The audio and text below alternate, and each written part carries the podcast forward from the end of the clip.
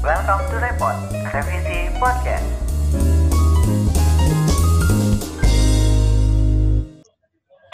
Halo guys. Welcome back to Revisi Podcast. Oke, ini kayaknya ada yang kurang gitu ya. Ada yang kurang nih dari formasi kita biasanya. Ya ampun, Kak Afam, we miss you. Ah, Ah, jadi kayak ini ya, spesial ya. Ini eh, formasi kita di episode kali ini. Hmm, formasi spesial. spesial karena biasanya berempat jadi cuma bertiga. Nah, karena formasinya spesial, makanya kita bahasnya temanya harus yang spesial juga dong. Apa nih guys? Ada yang tahu nggak hari ini kita mau bahas apa? Lupa. aku tapi pura-pura nggak tahu. Biar spesial dong. Kayak kayak mantanmu aja pura-pura nggak tahu. pura-pura nggak tahu kalau kamu mata hati. Ya, Ya dong. Oh, kamu spesial hari Hari anak. Nah, Intinya selamat Hari Anak untuk anak-anak Indonesia. Asik. Terus, ah, ya, selamat hari anak. 2020. Selamat Hari Anak Nasional. Yay. Nah, guys, kalau kita berbicara soal Hari Anak, pasti kita akan teringat sama yang namanya masa kecil kita. Ya dong, karena pasti pernah dong punya pikiran kayaknya lebih enak nih jadi anak-anak setelah bertambah dewasa. Padahal dulunya waktu kita anak-anak seringnya membayangin pengen cepet besar, pengen cepet keluar dari rumah, pengen cepet kuliah, bisa disebut orang dewasa. Padahal yang terjadi sebaliknya waktu kita dewasa malah pengen jadi anak-anak. Nah, makanya guys, aku pengen tanya dong sama kalian, apa sih, bagaimana sih penga- pengalaman kalian waktu masa kecil, kayak pengasuhan kalian gimana, atau ada momen-momen spesial nggak nih yang bakal keinget terus apa soal masa kecil kalian? Mungkin Bang Mus dulu nih, Nana- kayaknya Nana. asik. Nana dulu.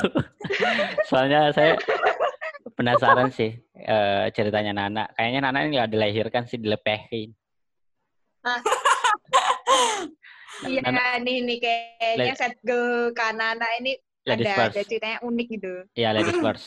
Saya Kamu anggap aku cewek juga ya? Em, Ada. anak-anak menurut saya adalah eh, masa yang emang nggak akan pernah terulang, masa yang paling indah dalam masa tumbuh kem- kembang kita.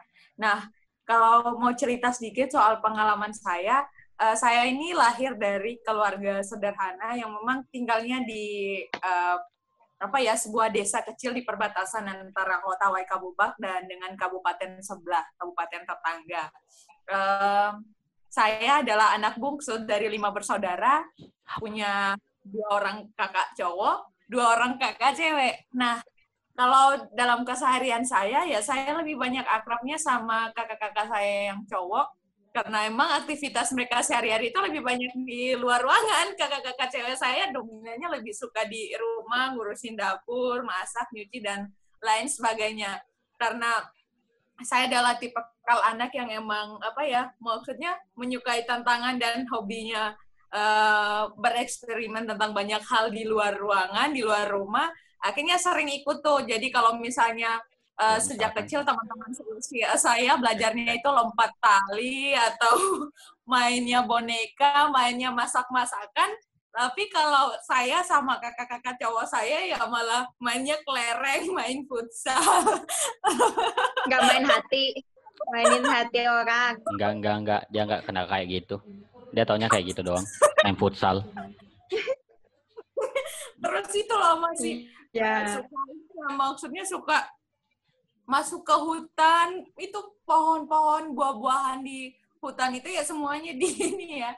Ada yang kalau bisa dimakan ya dimakan nggak bisa dimakan ya di ini maksudnya di dipetik terus untuk lempar-lemparan gitu loh. Jadi kayak jeruk sekalipun Ya. jeruk banyak itu yang gede kalau nggak ada bola plastiknya ya itu yang dijadiin sebagai bola kaki jadi main. Bang bang belajar belajar renang di sungai sampai aku hampir keseret arus juga pernah. Terus masa kecilnya geget banget ya. Kayak setengah menantang menantang malaikat maut nih. Jangan jangan kira model seperti aku ya nggak pernah apa ya, ya. Nggak kelihatan kok kelihatan. Nggak kelihatan, nak. kita kecil juga nakal loh. Kadang-kadang suka ini suka nyolong mangga tetangga. Suka kalau udah musim lagi pengen makan. Ini- Astaga. ya emang ini sih maksudnya karena orang tuaku ya open minded sekali nggak pernah batasi ya kamu karena kamu cewek ya kamu harus belajar masak belajar ini dan lain sebagainya. Jadi semua keputusannya itu ada di aku aku eh, apa ya diberikan kesempatan untuk melakukan hal yang benar-benar buat eh, aku apa ya merasa nyaman merasa eh, apa merasa bahagia have fun gitu dengan apa yang eh, memang sesuai dengan minat dan bakat aku pribadi.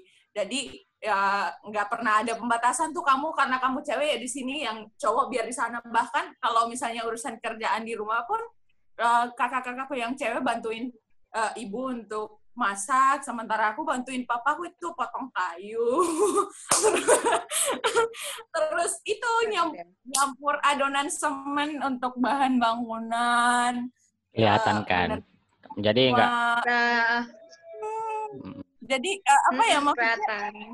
uh, pola asuh di apa ya di pola asuh di keluargaku walaupun keluarganya keluarga sangat sederhana eh aku sangat bersyukur ya I'm so proud karena diberikan ruang kebebasan berekspresi sebesar-besarnya untuk tetap menjadi diriku sendiri gitu loh nggak ikut standar sosial. Jadi perempuannya harus tampil manis harus ngurus urusan dalam rumah sementara laki-laki di luar. Kayak gitu sih.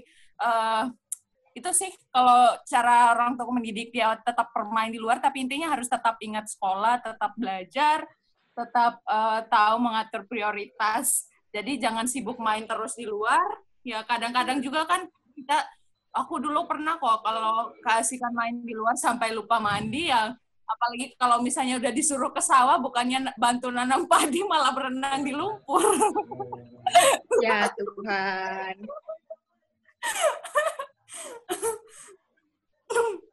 Iya, apa ya eh, pola pengasuhannya ya kayak kayak itu sih sebenarnya nggak nggak muluk-muluk mm. karena eh, pada akhirnya yang tahu kepentingan terbaik kita ya kita sendiri sebagai anak sebagai Betul, orang betul. tua nggak semestinya harus mendidik Benar ya, tapi memfasilitasi. Benar-benar. Yes. Kalau tadi kan anak udah ke Bang Mus ya. Ayo Bang Mus cerita. Kalau- Kalau saya sih sebenarnya sama sama anak saya juga anak bungsu dari lima bersaudara. Dua perempuan, dua laki-laki juga. Eh, Cie, saya duluan Iya. lahir ya, saya duluan lahir kok yang ikut-ikutan. Kalau-. Kalau saya sih gimana ya? Kalau eh, pola pola nggak mengasuh ya, karena mungkin mungkin biasa lebih ibu, ibu ya. Maksudnya ibu yang cenderung biasa lebih marah kalau misalkan saya melakukan kesalahan. Kalau kalau ayah sendiri biasanya dia lebih cenderung kayak diam dan cuman tegur doang gitu kan. Nggak nggak sama sekali eh, marah sama sekali. Saya saya malah nggak pernah dengar dia marah. Eh malah biasanya lebih cenderung ke ibu sih karena memang dia mendidik saya bagaimana bagaimana ya yang cuma dikasih tahu langsung ngerti loh yang dipelototin udah tahu kan maksudnya apa gitu. Kalau dilarang ya udah kayak gitu aja. Karena eh ya kayak didikannya semua kita tuh kayak gitu. Jadi kayak jangan melak intinya melakukan sesuatu yang merugikan orang yang bertanggung jawab. Jadi itu sih yang kayak sampai sekarang yang saya bawa juga sampai sekarang ya. Kalau melakukan segala sesuatu kalau misalkan menurutmu itu ka- kamu nggak bisa bertanggung jawab ya jangan lakukan.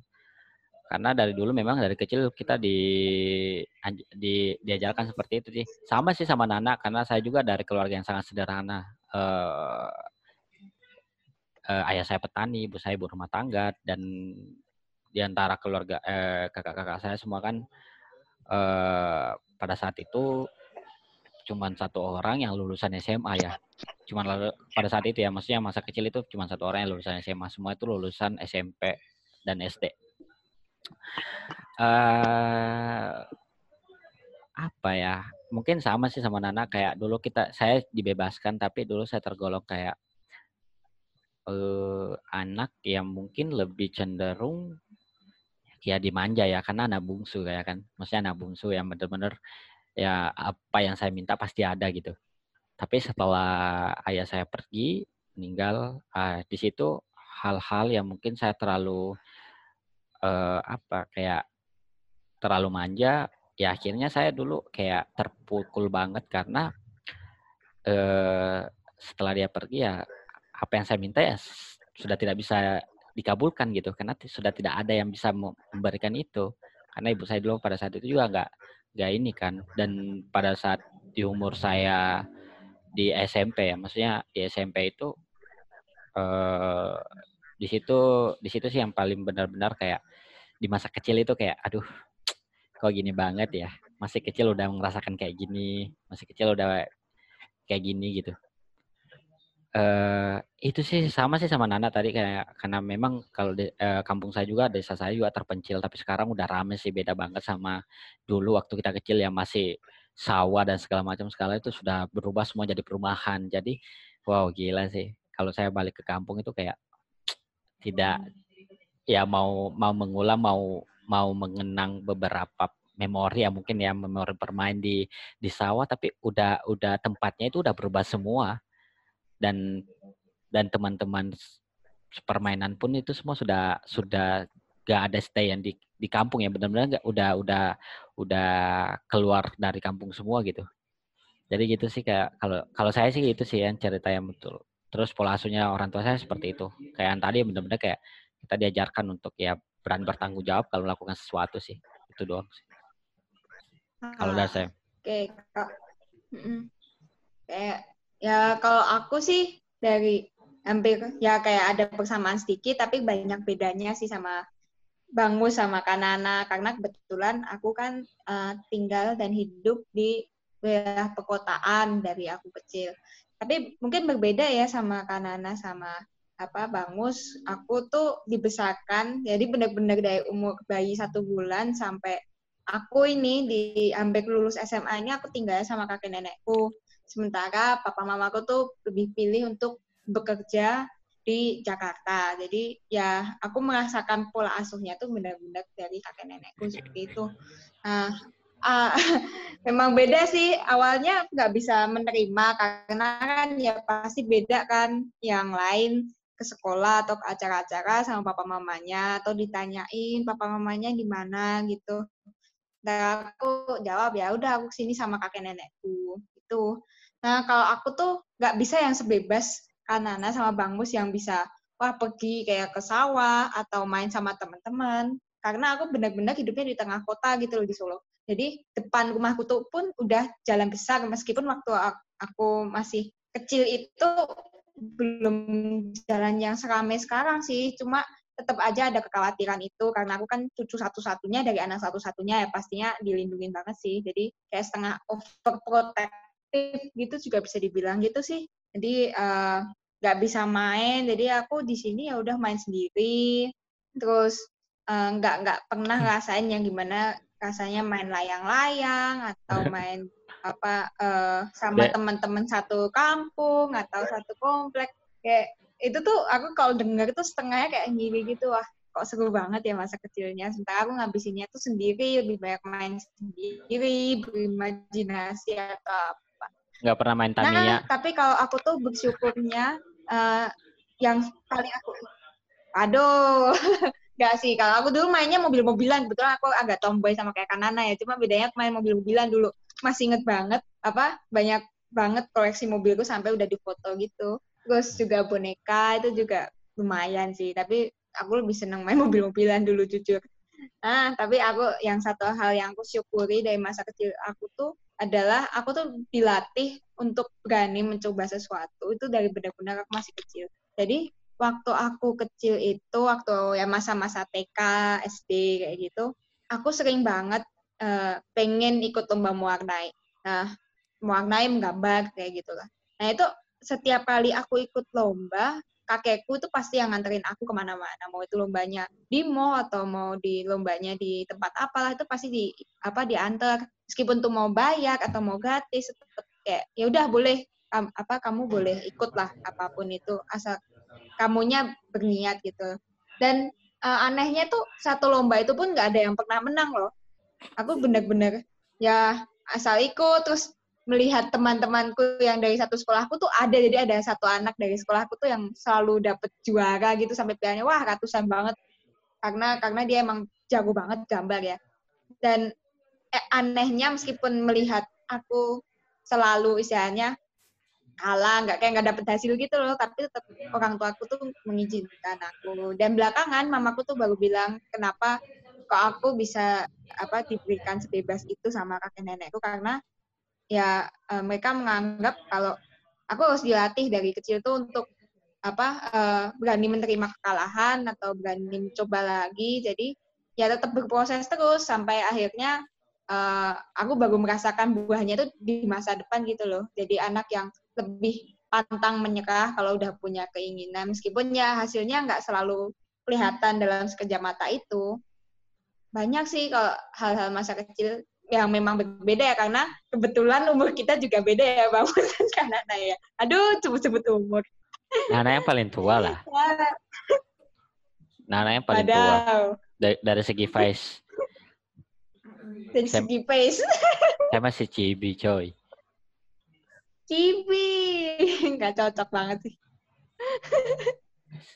uh banget ya gitu sih kurang lebih kalau masa kecil aku yang banyak kegiatan. Kayaknya aku dari dulu juga banyak kegiatan sih. Aku masih inget TK itu kan bisa ikut ekstrakurikuler banyak banget gitu kan di sekolahku dulu. Aku tuh ikut lima ekstrakurikuler sekaligus loh. Gila loh aku kalau mikir sekarang kok bisa ya?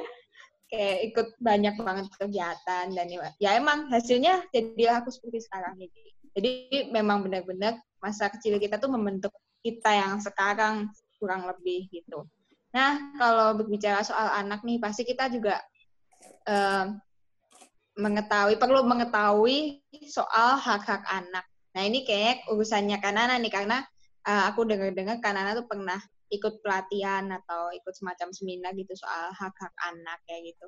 Kanana bisa jelasin nggak sih apa hak-hak anak tuh apa aja? Ya, eh, aku kebetulan sejak SD kelas 3 eh, sampai dengan aku tamat SMA itu emang aktifnya di Forum Anak Nusa Tenggara Timur. Kelas Emang kita 3. banyak- Hah? Kelas 3 SD. Oh, kelas 3 SD. Aku ya ampun aku untuk kelas 3 SD itu ikut dokter kecil aja udah bangganya luar biasa loh. Aduh. Forum anak. Mungkin dia percobaan sih. Percobaan itu. Enggak, Ya.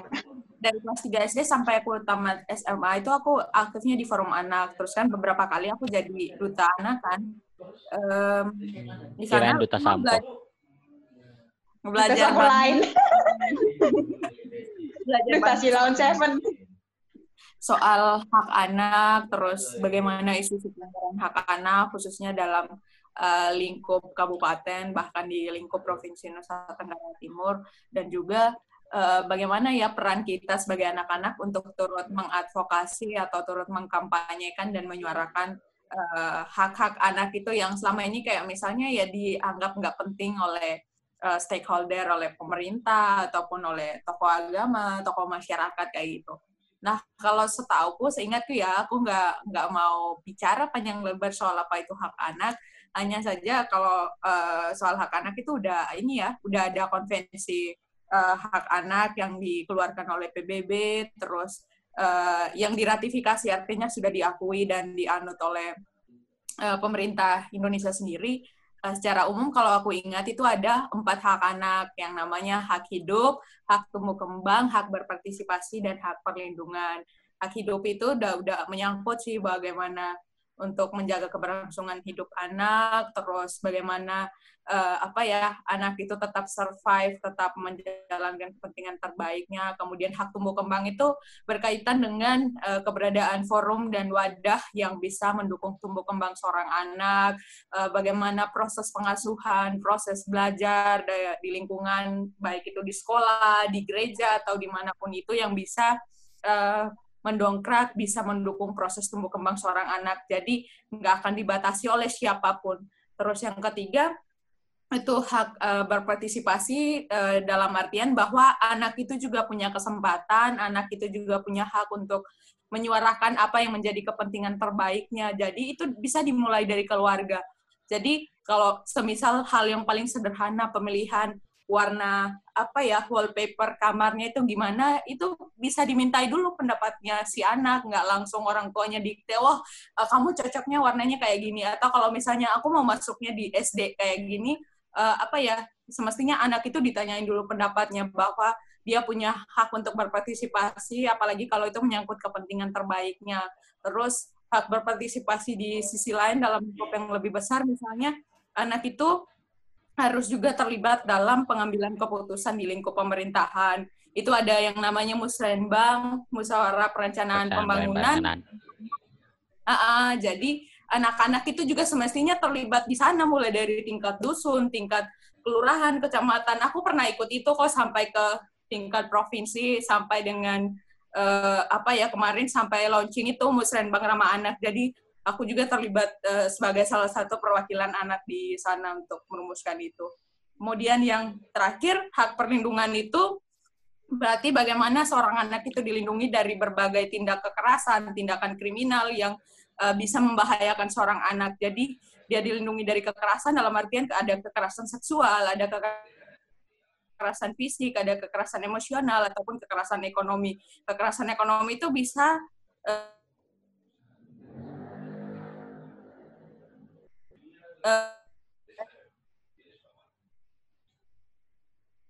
berarti kayak eksploitasi uh, untuk bekerja di usia dini kayak gitu jadi buruh anak pekerja anak atau kemudian menjadi ini ya uh, apa uh, anak-anak yang intinya dieksploitasi secara ekonomi ataupun secara finansial oleh oknum-oknum tertentu.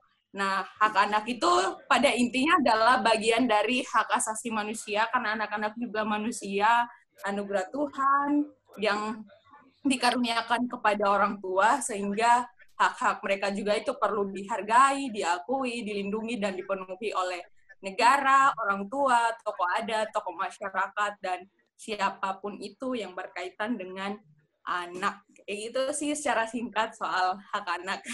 Thank you, Bunda. Mas, Mas sebenarnya banyak banget ya ternyata hak-hak anak. Tapi pernah nggak sih apa dengerin soal pemaparan hak anak ini? Karena jujur aku yang uh, udah sekolah yang udah di zaman yang bisa dibilang agak modern ini nggak pernah loh dengerin apa hak anak ya. itu nggak pernah sama Benar. sekali diajarin dan saya baru Kamu dengar da- enggak? enggak sama sekali SD SD saya ngapain coba itu main keleren coy ini anak-anak udah ngapain sampai situ sosok dewasa dari dari Komnas Perlindungan Anak mereka biasanya buat itu.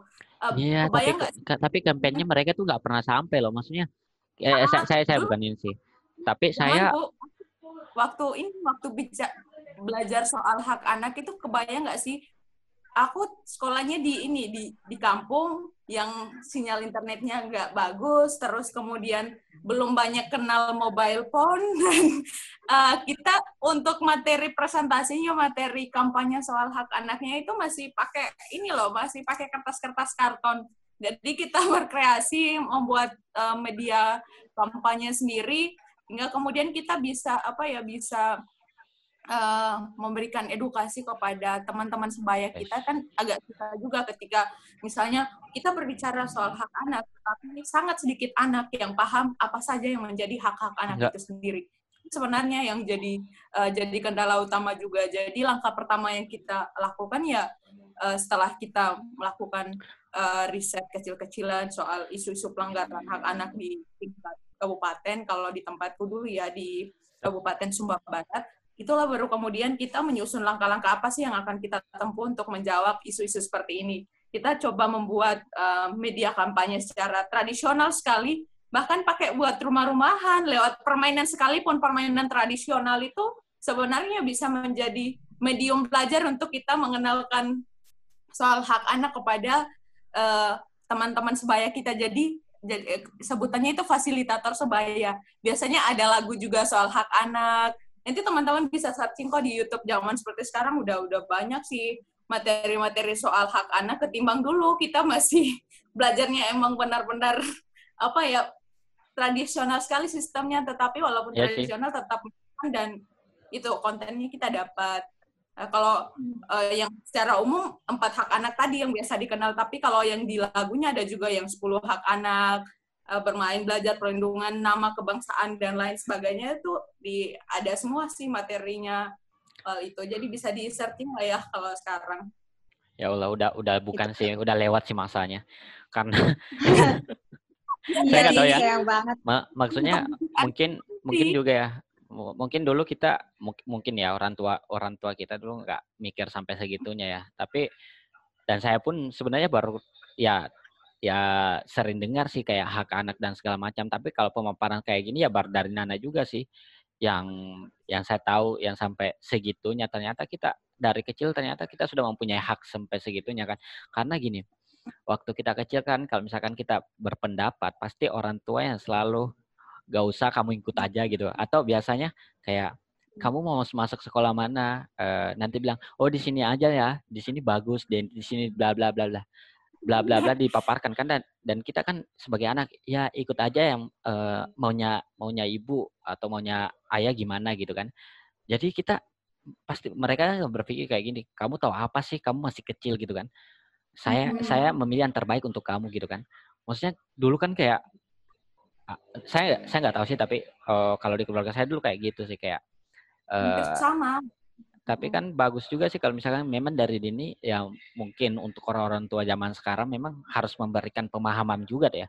Pemahaman untuk anak-anaknya untuk paham masalah hak anak dan segala macam. Karena ya kalau seperti Nana ini eh, sudah paham dan segala macam ya sudah bebas berekspresi sudah bebas ya dia sudah sudah gampang lah mencari jati dirinya. Kalau menurut saya ya karena sudah bisa sudah bisa apa ya sudah bisa bisa ke mana ke sini. Karena dia sudah tahu haknya ke mana ah, hak dan kewajibannya apa gitu kan.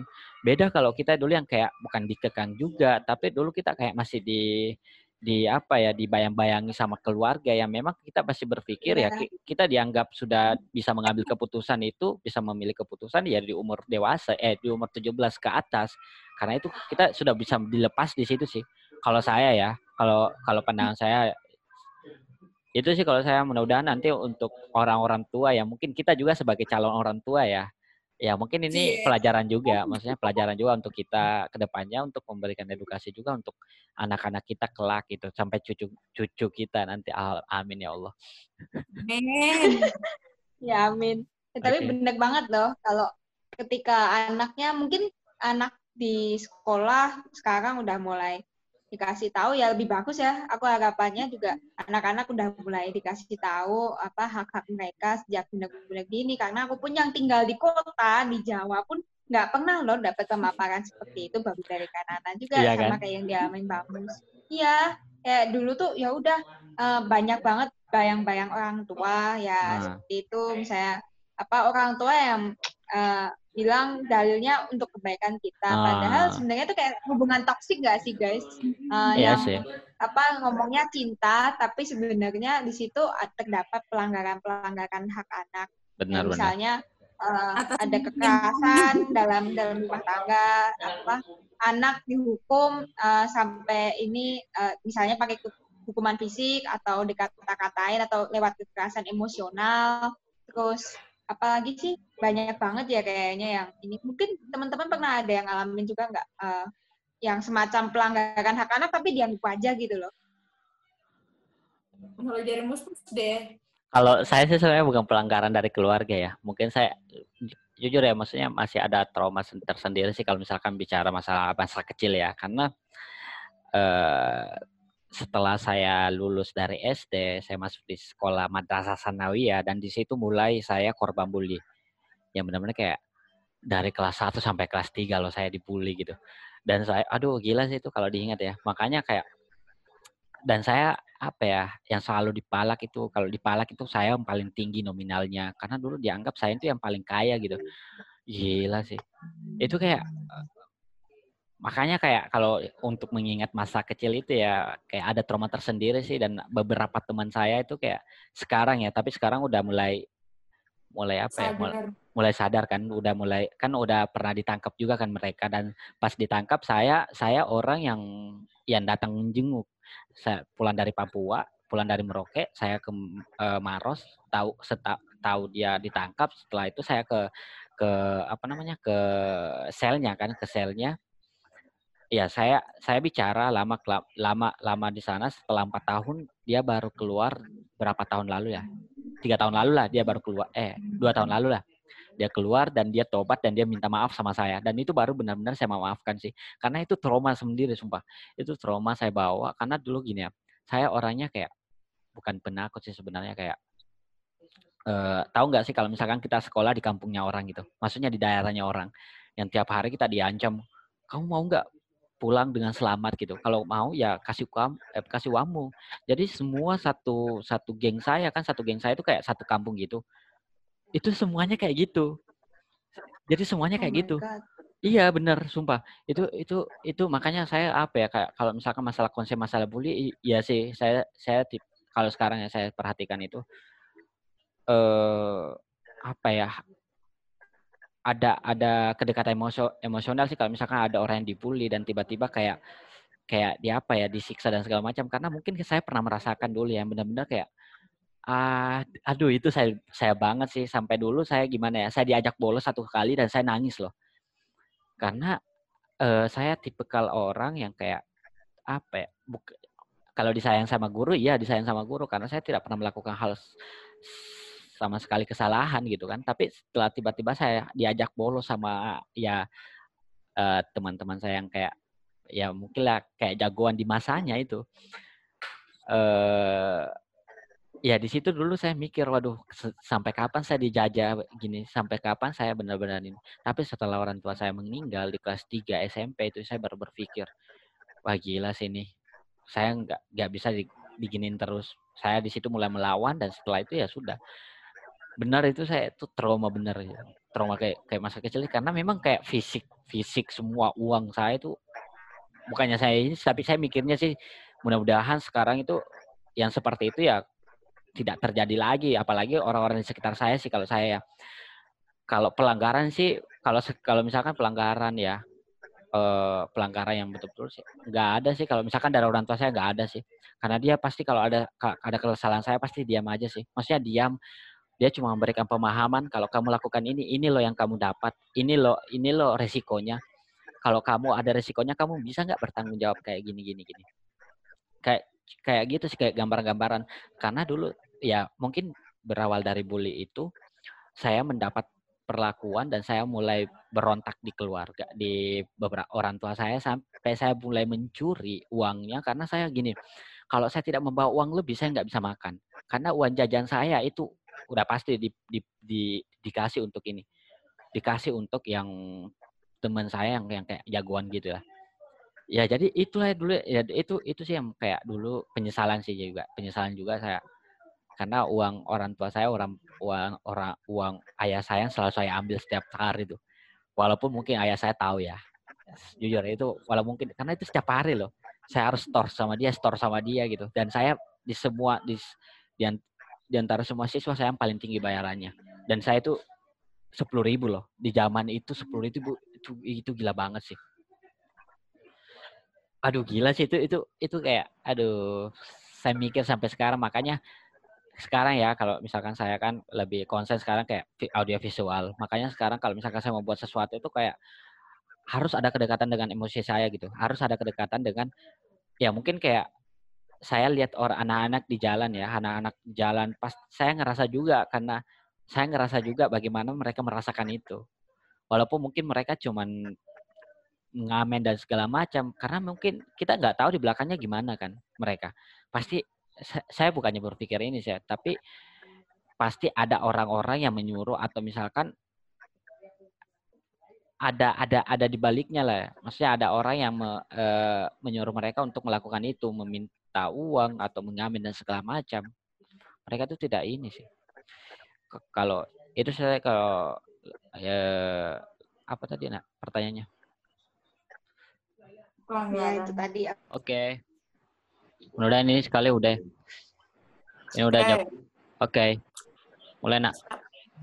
Eh, bicara soal pelanggaran hak anak tentu saja menurutku adalah sebuah isu yang sangat kompleks karena itu bisa berangkat dari pengalaman kita pribadi, pengalaman orang terdekat, dan kemudian eh, orang-orang yang ada di lingkungan sekitar kita, lingkungan tempat kita juga lingkungan tempat kita kerja dan juga lingkungan uh, belajar misalkan di sekolah, uh, di gereja sekalipun itu uh, potensi terjadinya pelanggaran hak anak itu sangat ini uh, sangat besar di tiap lingkungan yang emang dalam standar itu bukanlah lingkungan yang ramah anak. Nah, kalau mau di-share sedikit berdasarkan pengalaman dan kemudian berdasarkan uh, observasiku entah di sekolah ataupun di lingkungan tempat tinggalku, aku pikir uh, isu yang sangat uh, apa ya uh, kasus pelanggaran hak anak yang sangat tinggi ini adalah kasus kekerasan pada anak. Misalkan kita berangkat dari kasus yang terjadi dalam rumah tangga, uh, ada orang tua yang selalu berpemikiran bahwa uh, ada orang selalu apa ya uh, selalu berpikir bahwa mendidik anak dengan cara uh, melakukan kekerasan memberikan hukuman fisik, dipukul, dicubit ataupun dicaci maki itu adalah uh, bentuk uh, apa ya bentuk kasih sayang mereka terhadap anak-anak mereka dengan harapan bahwa anak-anaknya itu dapat berubah setelah uh, diberikan hukuman-hukuman fisik seperti yang sudah saya sebutkan sebelumnya. But in another time sih selalu ada um, pepatah sih ya yang kupikir sampai sekarang juga masih ada maybe itu uh, selalu ada yang bilang bahwa di balik rotan itu ada emas bahwa dengan kita menghukum anak-anak secara barbar itu uh, apa ya anak-anak dengan sendirinya pasti akan berubah pasti akan berbenah diri tetapi uh, tidak ada pertimbangan secara psikologi soal dampaknya terhadap anak-anak mereka kalau misalnya terus-terusan dicekoki dengan pukulan dengan caci cacian dan lain sebagainya itu bisa saja membahayakan ini kondisi kejiwaan si anak tadi. Kemudian yang kedua eh, kekerasan seksual maybe. Kekerasan seksual dalam artian bahwa uh, ada banyak anak yang usianya di bawah 17 tahun itu menjadi korban dari para predator seks. Anak-anak dipaksa untuk melakukan hubungan seksual di usia dini atau kemudian uh, dijadikan sebagai ya, apa ya sebagai untuk memuaskan hawa nafsu para predator seks. Bahkan yang menjadi pelaku kekerasan seksual itu adalah justru anak orang yang sangat dekat dengan anak-anak korban ini. Mereka adalah kan orang tua sekalipun itu justru ada yang bahkan menjadi pelaku kekerasan seksual. Kemudian ada juga uh, apa ya pemuka agama ataupun juga uh, apa guru itu sendiri. Jadi sebenarnya lingkungan yang kita harapkan bisa menjadi lingkungan paling aman untuk aman, anak belajar hal justru adalah lingkungan yang sangat rawan dan sangat berbahaya bagi si anak itu sendiri. Ya. Benar, benar, benar. Nah, kadang-kadang ini menjadi dilematis juga sih kita berbicara soal lingkungan yang ramah anak, tetapi lingkungan yang kita harapkan aman untuk anak-anak itu justru jadi apa ya ruang yang sangat terbuka lebar dan melanggengkan praktek-praktek kekerasan terhadap anak. Kemudian yang berikut kekerasan yang lain adalah kupikir kekerasan ini ya kekerasan uh, secara ekonomi dalam artian bahwa ada eksploitasi terhadap anak ada banyak anak-anak yang kemudian terpaksa harus bekerja hanya karena ini ya di dipaksa dan diancam oleh germo diancam oleh orang-orang yang memanfaatkan tenaga, memanfaatkan kondisi anak-anak yang dalam artian kurang beruntung tadi untuk bisa meraup keuntungan yang sebesar-besarnya. Banyak anak-anak yang misalnya ditawari uh, kita bekerja uh, apa ya, misalkan ada orang-orang tertentu mengajar mengajak anak-anak dari kampung uh, untuk uh, membawa anak-anak tersebut keluar dari kampung dengan iming-iming mereka akan disekolahkan, mereka akan diberikan pekerjaan di luar. Padahal ketika sudah sampai di daerah tujuan tempat si Germo tadi, tempat si pelaku eksploitasi tadi, anak-anak tersebut justru dipaksa untuk melakukan pekerjaan-pekerjaan yang pada intinya bahwa gaji yang diperoleh, keuntungan yang diperoleh oleh si anak-anak ini tadi yang bekerja di usia dini atau pekerja anak itu digunakan untuk kepentingan uh, si Germo tadi. Jadi apa ya? Um, ini juga salah satu praktek yang pikir dianggap biasa oleh kebanyakan orang bahwa ya sudahlah mereka mau bekerja dan lain sebagainya itu pilihan mereka. Tetapi kita tidak pernah merefleksi, tidak pernah belajar untuk mencari tahu penyebab mereka sampai pada di sana. Itu seperti apa, faktor-faktor apa yang memicu mereka sampai kemudian di usia yang seharusnya mereka bersekolah, di usia yang seharusnya mereka belajar, di usia yang mereka seharusnya bermain itu justru jadi uh, apa ya? Jadi uh, waktu-waktu di mana mereka harus di untuk bekerja keras bahkan tanpa gaji atau upaya yang layak tanpa makan minum yang juga sebenarnya bisa membantu apa ya membantu mereka untuk mempertahankan hidup itu yang apa ya itu jadi ulang sampai situ oke okay. oke okay. um, kamu ini ya aku di sini aja ya ini ya biar tidak ada kasus. Oke. Okay. oke. Okay. uh, eh, kemudian soal kasus ini ya kekerasan. Kalau tadi kita udah sampai di ini ya kekerasan seksual ya tadi. Kekerasan seksual bahwa pelakunya itu justru orang-orang terdekat. Yang berikutnya itu ada kekerasan ini ya kekerasan psikis. Kekerasan psikis di sini yang saya maksudkan itu adalah eh, tindakan-tindakan uh, yang kadang uh, sangat mempengaruhi kondisi psikologis, kondisi kejiwaan seorang anak. Mungkin teman-teman pernah menemui atau pernah merasakan bagaimana kalau misalnya kita di usia anak-anak kita dulu kita uh, melakukan sebuah kesalahan, kita melakukan sebuah kekeliruan, kemudian kita itu diomongin dasar anak goblok, anak brengsek, anak bangsat, anak bodoh, nggak bisa diandalkan, nggak bisa diharapkan, and so on.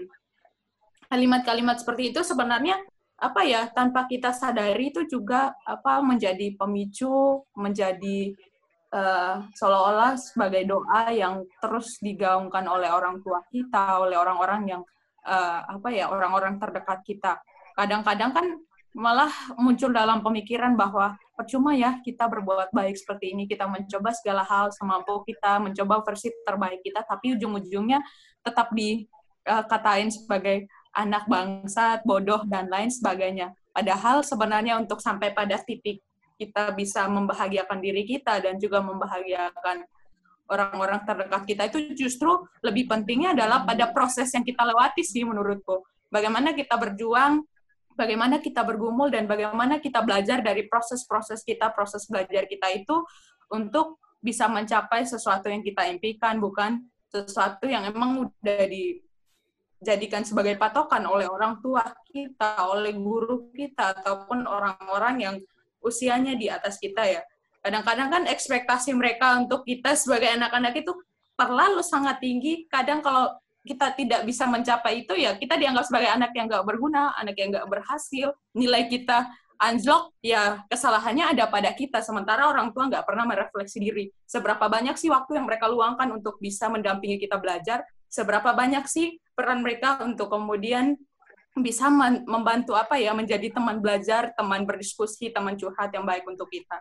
Nah, kadang-kadang kan tanpa kita sadari uh, apa ya kesibukan orang tua bekerja, kesibukan orang tua untuk mengurus hal-hal yang uh, apa ya di luar rumah tanpa meluangkan waktu untuk berdiskusi dengan anak itu juga sebenarnya di sisi lain adalah salah satu bentuk kekerasan loh ya itu kalau dalam undang-undang hak anak itu disebut sebagai penelantaran. Banget. Karena, uh, karena orang tua sibuknya sendiri tapi nggak pernah apa ya membangun ruang komunikasi membangun ruang diskusi dengan anaknya untuk kemudian tahu apa yang sebenarnya menjadi pergumulan apa yang sebenarnya menjadi keinginan dan menjadi kebutuhan dari anak-anak mereka. Karena tetap saja dalam masa tumbuh kembang seorang anak itu membutuhkan kehadiran orang tua untuk tetap mendampingi mereka sih menurutku.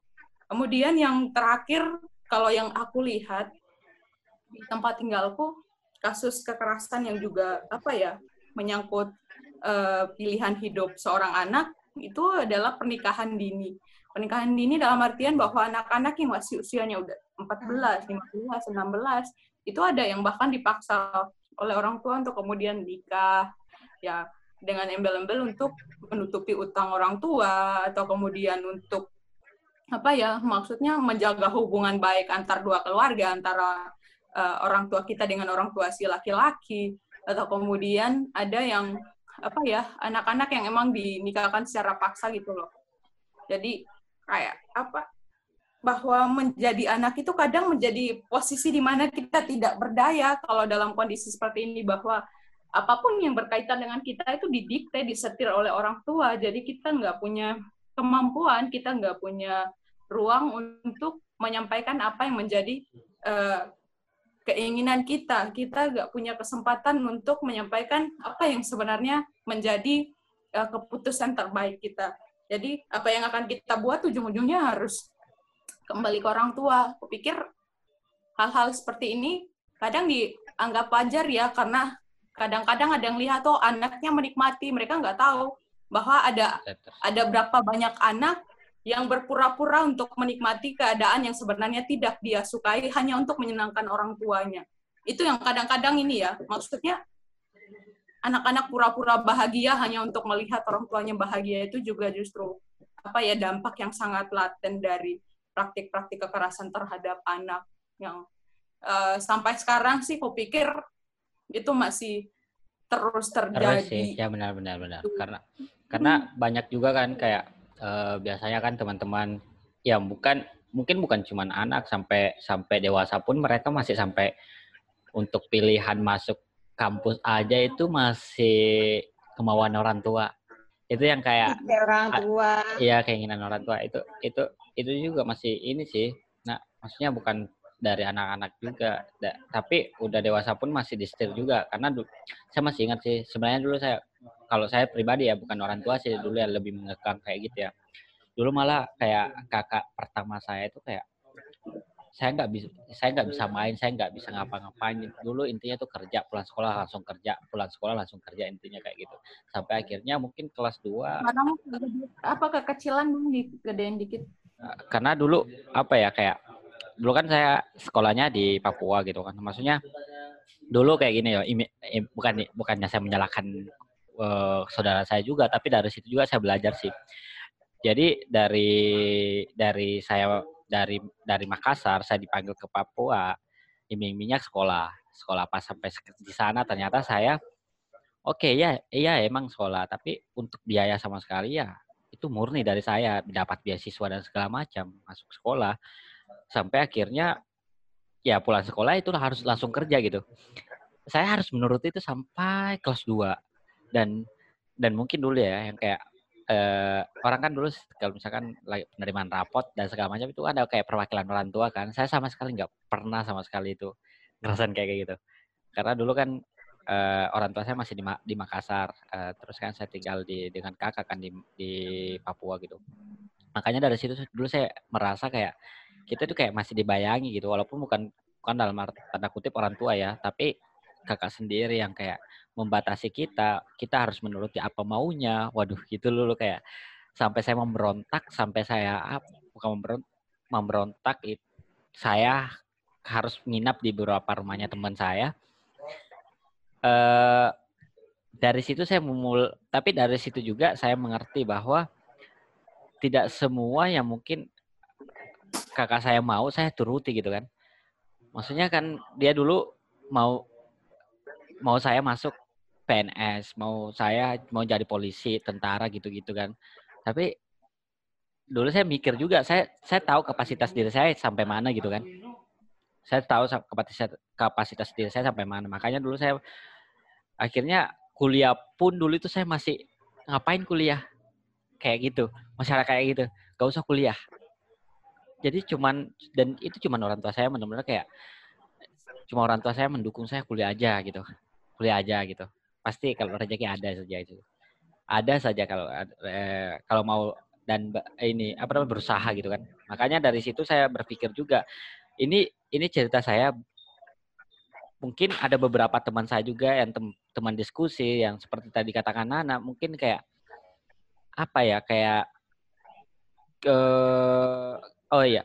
Dan gini juga nak. Kalau mungkin saya di keluarga saya saya sama sekali belum saya tidak pernah mendapatkan kayak perlakuan fisik ya.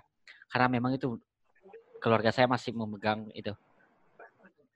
Jadi kalau misalkan ada misalkan teman saya atau keluar eh, orang tua tem, orang tua misalkan saya berantem atau apa dan saya dapat pukulan dari orang tuanya itu pasti orang tua saya juga ini marah gitu kan. Karena orang tua saya nggak pernah mukul saya sama sekali apalagi menampar ya itu itu kayak haram banget itu masuk di itu karena itu sih kayak kita kalau di keluarga sendiri sih di apalagi orang tua yang dia masih masih ya kalau masih bisa di disampaikan dengan kata-kata ngapain dengan kekerasan gitu kan kalau kalau itu sih nak kalau saya kalau Jos eh kalau Jos apa sih Jose. Jos. Ini gimana?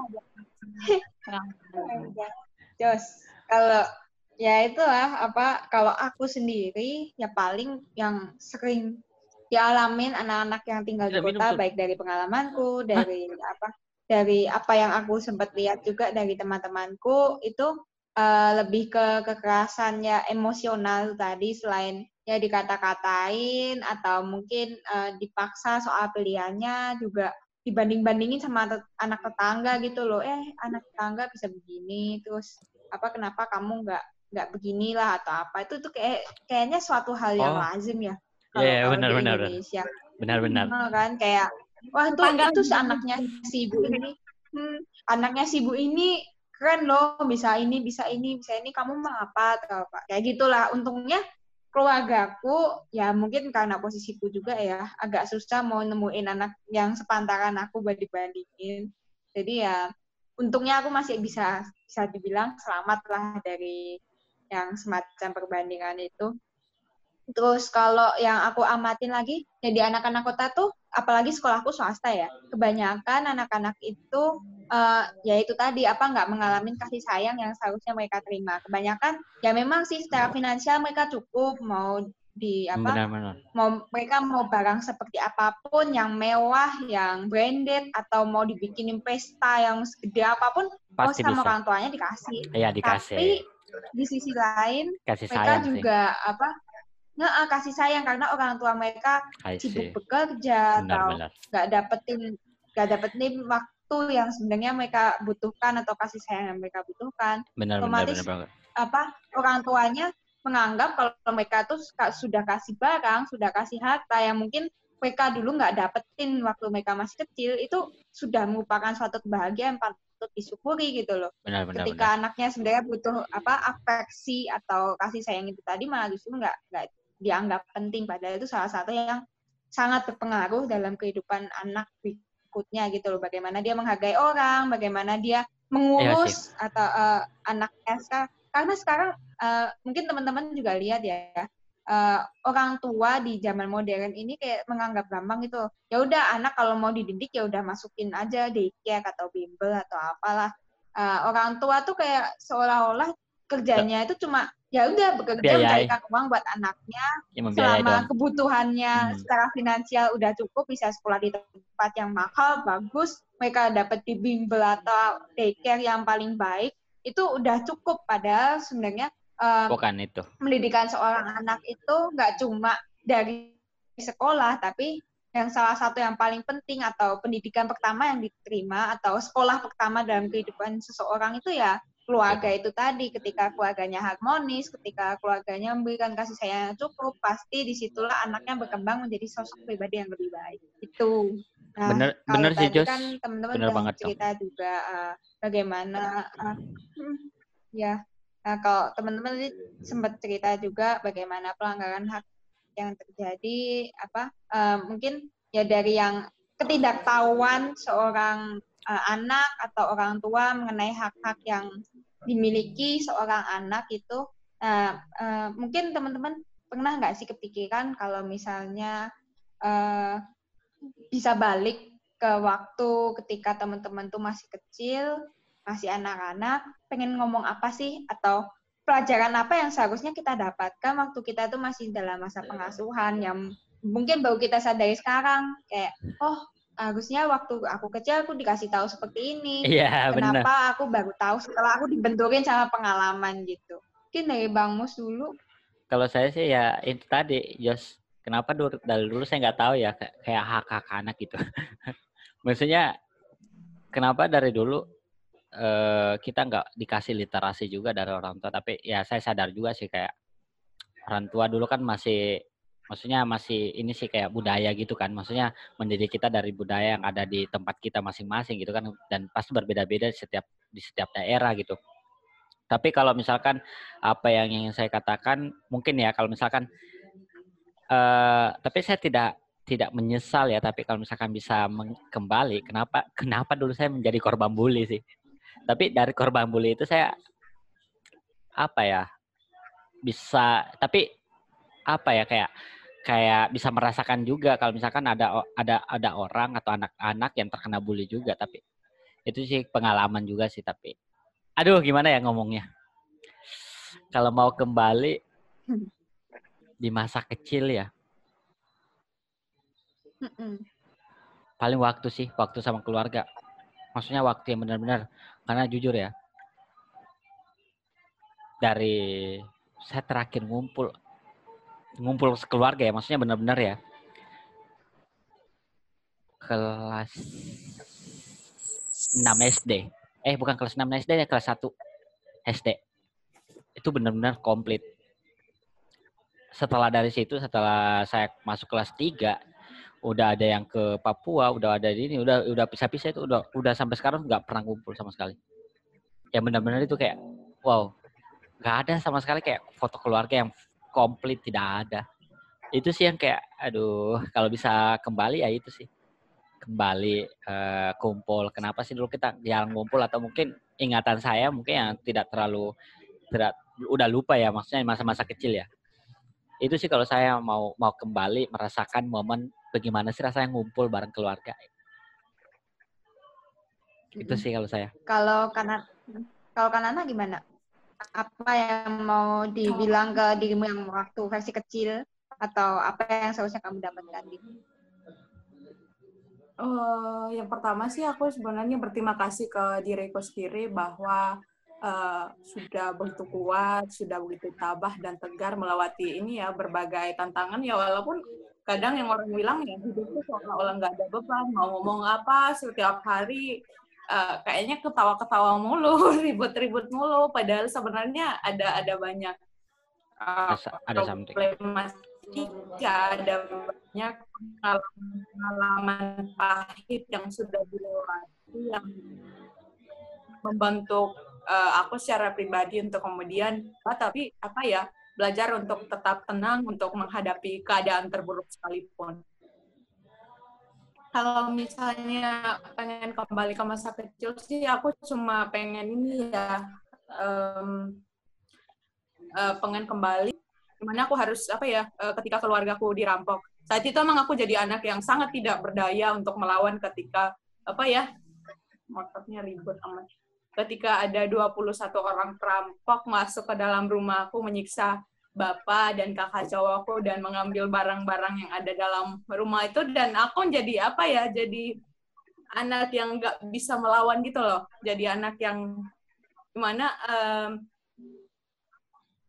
eh, apa ya maksudnya berdiam diri dan ketakutan nggak nggak berdaya untuk melawan sama sekali. Dan kemudian nggak paham sama sekali gimana kalau misalnya dalam keadaan seperti itu aku harus meminta pertolongan ke ke siapa. Dan kalaupun udah lapor ke pihak yang berwenang gimana harus memfollow up laporan-laporan kejadian seperti itu. Jadi sebenarnya itu adalah apa ya salah satu titik terendah dalam hidupku ketika keluargaku dirampok. Bayangin waktu usiamu 10 tahun dan kemudian lihat dengan matamu sendiri orang tuamu tuh apa ya berlumuran darah karena disiksa oleh para perampok, barang-barangmu diangkat dan lain sebagainya. Itu masih kebayang sampai sekarang kayak gitu. Jadi sometimes kayak ngerasa geram juga sih kalau misalnya baca berita serupa apa ya em, yang sampai saat itu ketika orang tua aku sudah dilarikan ke rumah sakit, dilarikan ke UGD, udah sempat lapor ke ini ke polisi untuk bisa apa ya menindak para pelaku.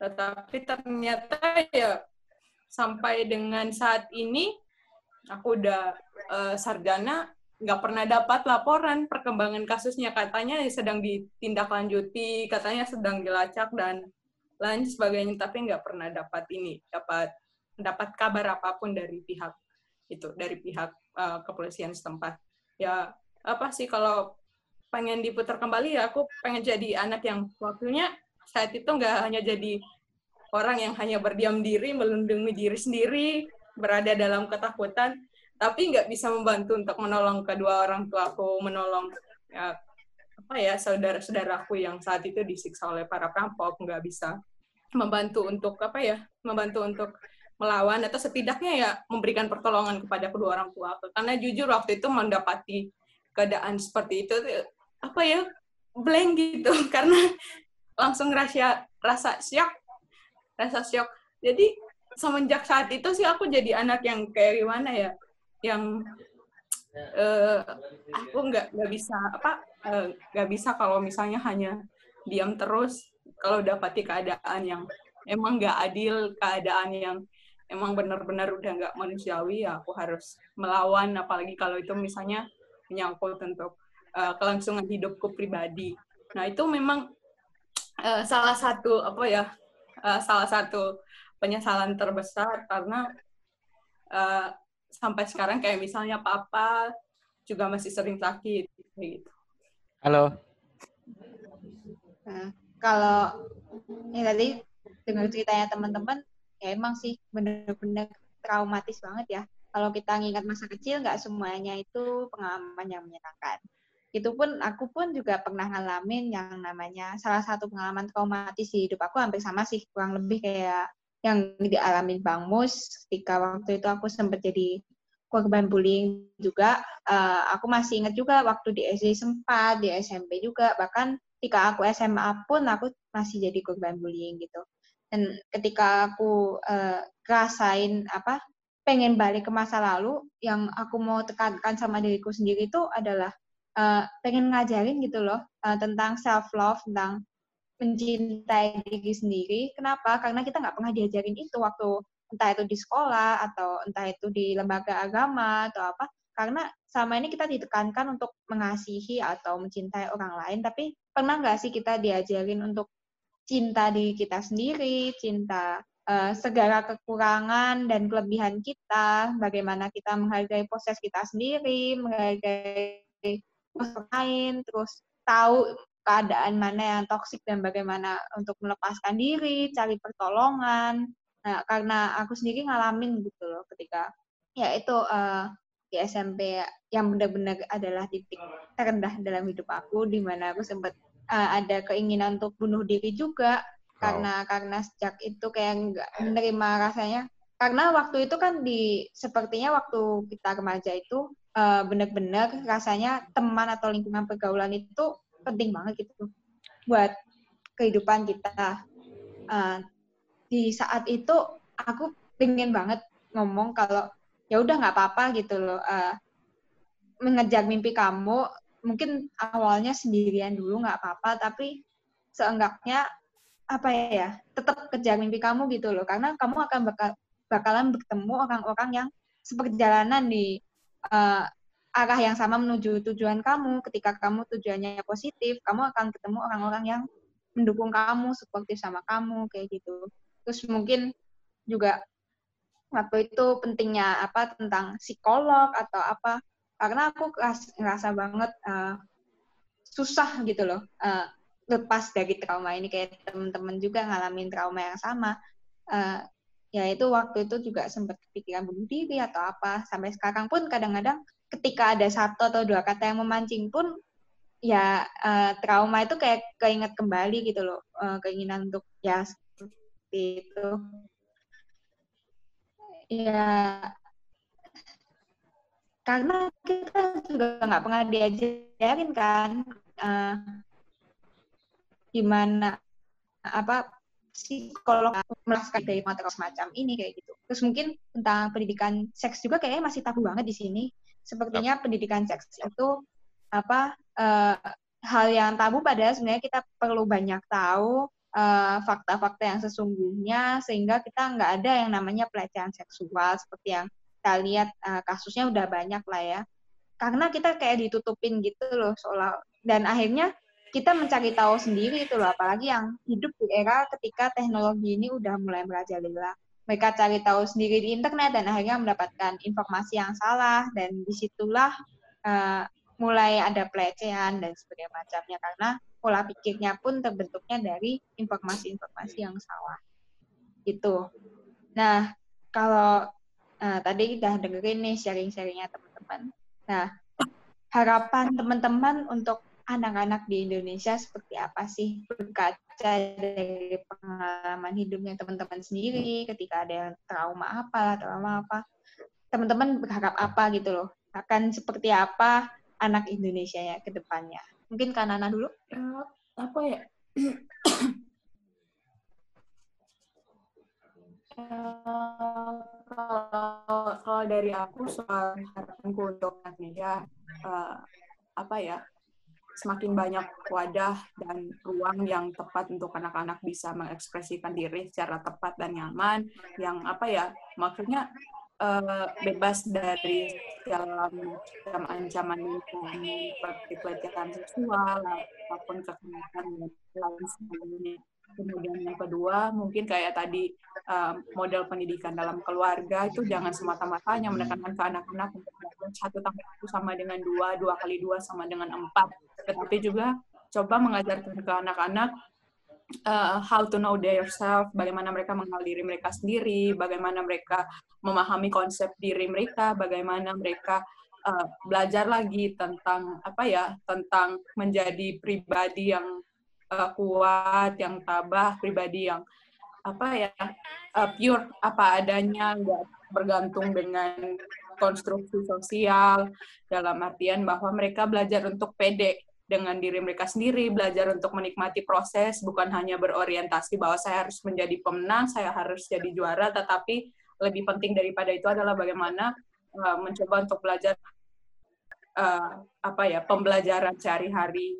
Kemudian juga mengajarkan ke anak-anak itu bagaimana untuk coba menghargai perbedaan gitu. Jadi ketika mereka masuk ke dalam lingkungan yang benar-benar berbeda ya apa ya mereka bisa paham makna pluralisme itu seperti apa, nggak merasa apa ya nggak nggak menganggap itu sebagai sebuah kendala atau mengalami apa ya uh, apa geger budaya gitu. Terus uh, yang kedua malah menjadikan uh, orang-orang yang berbeda dari mereka itu sebagai bahan ejekan atau bahan bullying.